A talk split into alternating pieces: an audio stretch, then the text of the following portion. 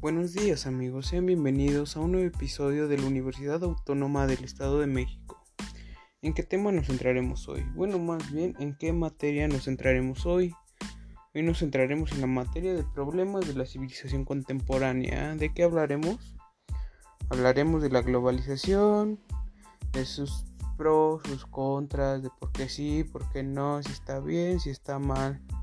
No sé ustedes qué opinen, pero pues ahorita es un tema muy controversial que no tiene mucho de haber empezado, pero pues vamos a empezar a tratarlo. Para empezar, vamos a empezar, ¿qué es la globalización? La globalización es un proceso histórico de integración mundial en ámbitos económicos, políticos, tecnológicos, sociales y culturales que ha convertido el mundo en un lugar cada vez más conectado, más civilizado, que ha empezado a prosperar. También se le conoce como un fenómeno basado en el aumento continuo de la interacción entre las diferentes naciones del mundo, con el plano económico, político y social.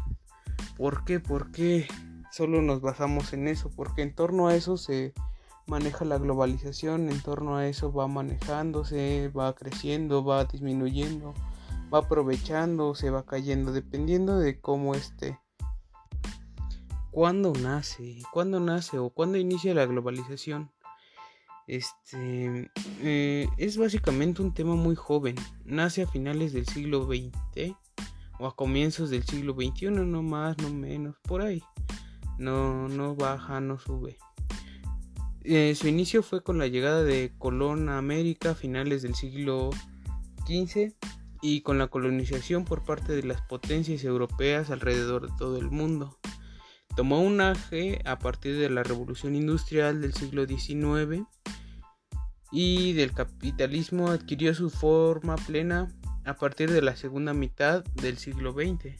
¿Qué más? ¿Qué más? ¿Qué más? A ver, díganme qué más podemos decir de la globalización.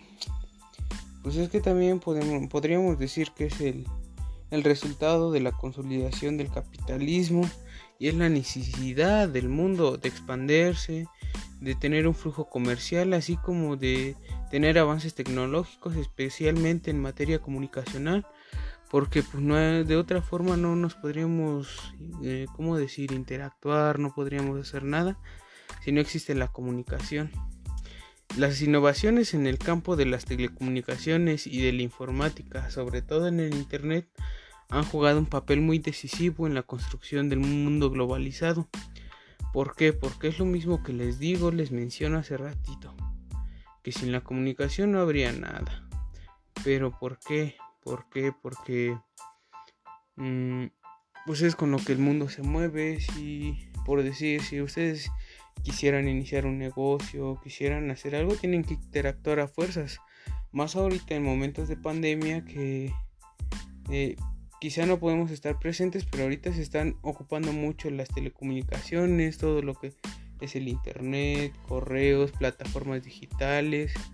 En caso de las escuelas como como nosotros que la Universidad Autónoma del Estado de México estamos utilizando una plataforma de Microsoft Teams y pues así se va manejando en todas. La globalización tiene características este buenas, características malas. Pero en general, eh, las características de la globalización nos dicen que es un fenómeno planetario que se manifiesta en todo el mundo, o sea, no hay lugar donde no llegue la globalización. También que es universal, pues abarca todos los aspectos de la vida humana y social. En todo mundo se rige, en todo mundo, no hay ni una persona que se salve. Quizás se quedan atrasadas, sí, pero pues no se salvan. Es desigual y asimétrico, ya que repercute de formas muy diferentes según el nivel del desarrollo de cada país y su cuota de participación en el poder mundial. Es lo que les explicaba en el anterior que pues a lo mejor algunos se quedan atrasados, pero pues tarde o temprano llegará el pues la globalización, llegará la actualización y pues no, no, no tendrán de otra más que acoplarse a lo que es. También dice que es imprescindible. Sus resultados no pueden ser anticipados. Pueden ser buenos, pueden ser malos, pueden ser más o menos. O sea, no tiene como que un punto específico de esto. También depende de la conectividad y de, las telecomunicaciones a fuerza. ¿Por qué? Porque es de lo que pues, trata, es de lo que, pues con lo que se maneja es su generalidad. Supone la reorganización espacial de la producción, también globaliza las mercancías y favorece la, unidad, la uniformidad del consumo y conforma un modelo financiero mundial. ¿Pero qué lo causa? Mm, los cambios en la geopolítica, que, son, que es la que estudia los efectos de la geografía humana y la física sobre la política, así como sobre las relaciones internacionales, esto en el siglo XX. También lo causó el fin de la Guerra Fría después de la Segunda Guerra Mundial entre Estados Unidos y la Unión Soviética. Otra cosa, la consolidación del modelo capitalista y que necesitaban libertad de mercado. Otra, la necesidad de ampliar mercados económicos. Em, ¿Cuál más? ¿Cuál más podría ser? Mm, la revolución de materia de telecomunicaciones e informática o la liberación de los mercados de capitales, tratados comerciales e internacionales. Lo que les digo que todo gira en torno a la economía, en torno a, a qué actualizaciones nuevas pueda haber, si es bueno, si es malo. Eh, a puntos de vista muchos es malo, a puntos de más es bueno. Pero pues como todo tiene buenos, malos, pero mm, bueno ya dependiendo de cada quien, de cada quien, de cómo piense, de lo que piense, si es bueno, si bueno a su punto de vista si le favorece o también si le perjudica en algo la globalización. Eh, algunas ventajas de la globalización es el desarrollo del mercado, de un mercado global, eh, una interconexión de sociedades con acceso a recursos informáticos, mayor acceso de información, circulación de bienes y productos importados, un aumento de inversiones extranjeras, un desarrollo exponencial del comercio internacional, un favorecimiento de las relaciones internacionales, procesos de intercambio cultural, aumento de turismo, y desarrollo tecnológico. Es todo lo que engloba mm, eh, las ventajas, aunque hay muchas otras, pero pues en general son esas. Las desventajas es que hay una incapacidad de Estado nacional, como entre control y administración, no, siempre se tiene el control de todo, pues, y nunca va a ser así, en ningún lado. La, la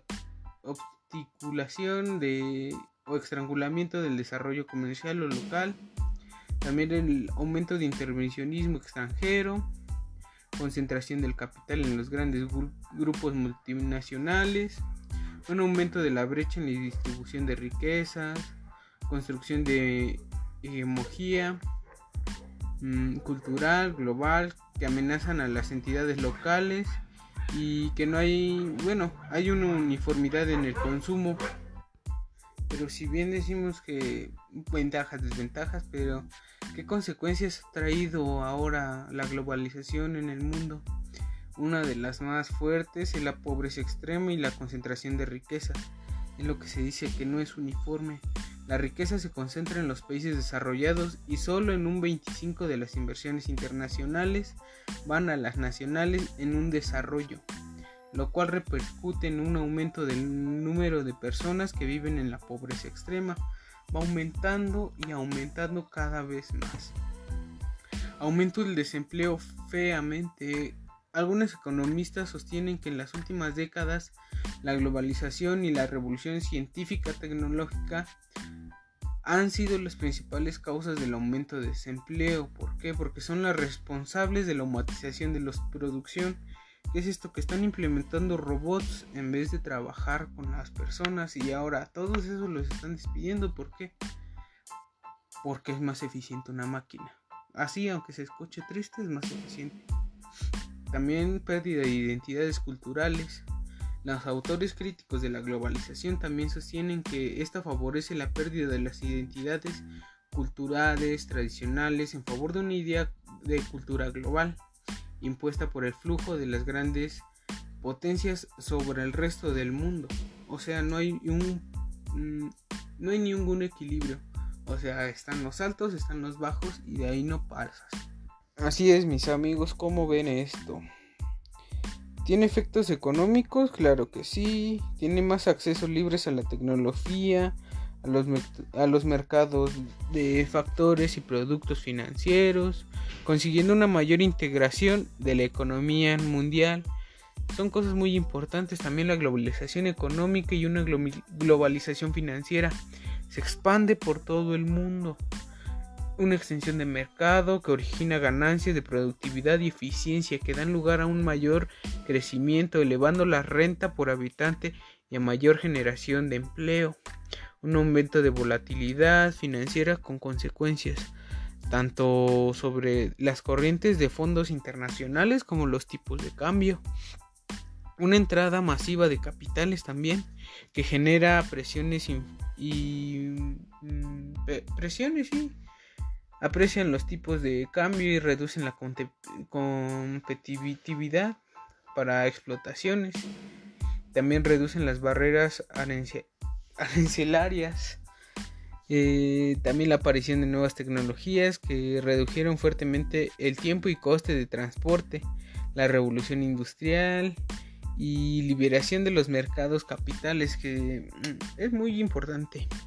También tiene efectos políticos, aunque pues digamos que tiene que ver. No, pues sí, sí tiene que ver. Tiene un enorme número de organizaciones intergubernamentales y regímenes internacionales que operan en diferentes ámbitos y con instituciones suprarracionales. Las normas jurídicas tienen manifestaciones distintas en el ámbito interno de los estados y en el ámbito internacional respectivamente conforme se vayan actualizando o vayan cambiando. Cada estado organiza un sistema destinado a dar eficiencia a las normas jurídicas a fin de asegurar su cumplimiento obligatorio o de sancionar su incumplimiento. También la mayor parte de la actividad se realiza al interior de los países o dentro de megabloques económicos como la Unión Europea o ya tienen un tratado de libre comercio, por ejemplo el de América del Norte. También el avance de la globalización ha sido un, ha sido un obstáculo también por grandes conflictos bélicos. Primera y Segunda Guerra Mundial, así como ejemplo, eh, por las crisis económicas de carácter hemisférico. También hay políticas proteccionistas y discriminatorias practicadas por las naciones que impiden que la mayoría de los países participe activamente en intercambios comerciales y financieros. O sea, los detienen porque pues, no pueden estar todos a la par. Así es el mundo, así piensan todos. Eh, las políticas perfeccionistas, bueno, eso ya, ya lo mencioné. También el soporte de material de globalización, la profundización de la división internacional del trabajo, donde el predominio corresponde a un puñado de países altamente desarrollados. También los avances de los países más atrasados están determinados por la presencia del capital extranjero o, en sus economías también, el cual ha ido perfeccionando un esquema de inserción donde las decisiones estratégicas son tomadas desde afuera de las empresas transnacionales y desde sus países de origen. Pues todo gira en torno a un líder, eh, pues todos se basan en alguien, por ejemplo, todos los latinoamericanos, por decir, nos basamos en Estados Unidos, que por decir es la, bueno, no por decir, es la potencia más grande acerca de nosotros. Que pues si a ellos les pasa algo, pues nos pasa a afectar a todos tanto a México, a Guatemala, todos los países de abajo nos pasa a afectar. ¿Por qué? Porque dependemos mucho de ellos. ¿Tiene efectos socioculturales? Claro que sí. Eh, se ha producido la aparición de cultura global. Se produce también un resurgimiento de culturas locales. ¿Por qué? Porque se empieza a conocer más, se empieza a indagar más. También se generan las contraculturas grupos excluidos o marginados que probablemente chocan con los no excluidos. Entonces se crean otras culturas que por decir son contrarias o pues así pelean o son sus contrincantes por decir de las ya existentes. Y nos vemos envueltos en un contraste de bombardeo de información y transinformaciones en todos los sentidos, tanto culturales, económicos, sociales, políticos, en donde el dominio de la economía está por encima de la producción y de las corporaciones transnacionales o globales. Tienen un poder influyente sobre los estados dominados. Es eso, amigo, la globalización. Eh, pues es básicamente lo general en lo que engloba todos los efectos, las ventajas, desventajas. Y pues así concluimos este episodio más. Espero haya sido de su agrado y pues no me queda más que desearles muchas bendiciones, que se cuiden en estos tiempos tan difíciles que este tema pues está generando controversia, está generando no sé, está generando mucha polémica. ¿Por qué? Porque vamos avanzando en tecnología. Porque la pandemia nos ha obligado a esto y pues no queda más más que acoplarnos todos, maestros, alumnos, este, trabajadores, pues ahora es nuestra nueva vida, es nuestra nueva normalidad y no queda de otra. Esperando hayan tenido una grata noche, eh, espero haya sido de su agrado este, este tema, pues nos vemos a la próxima.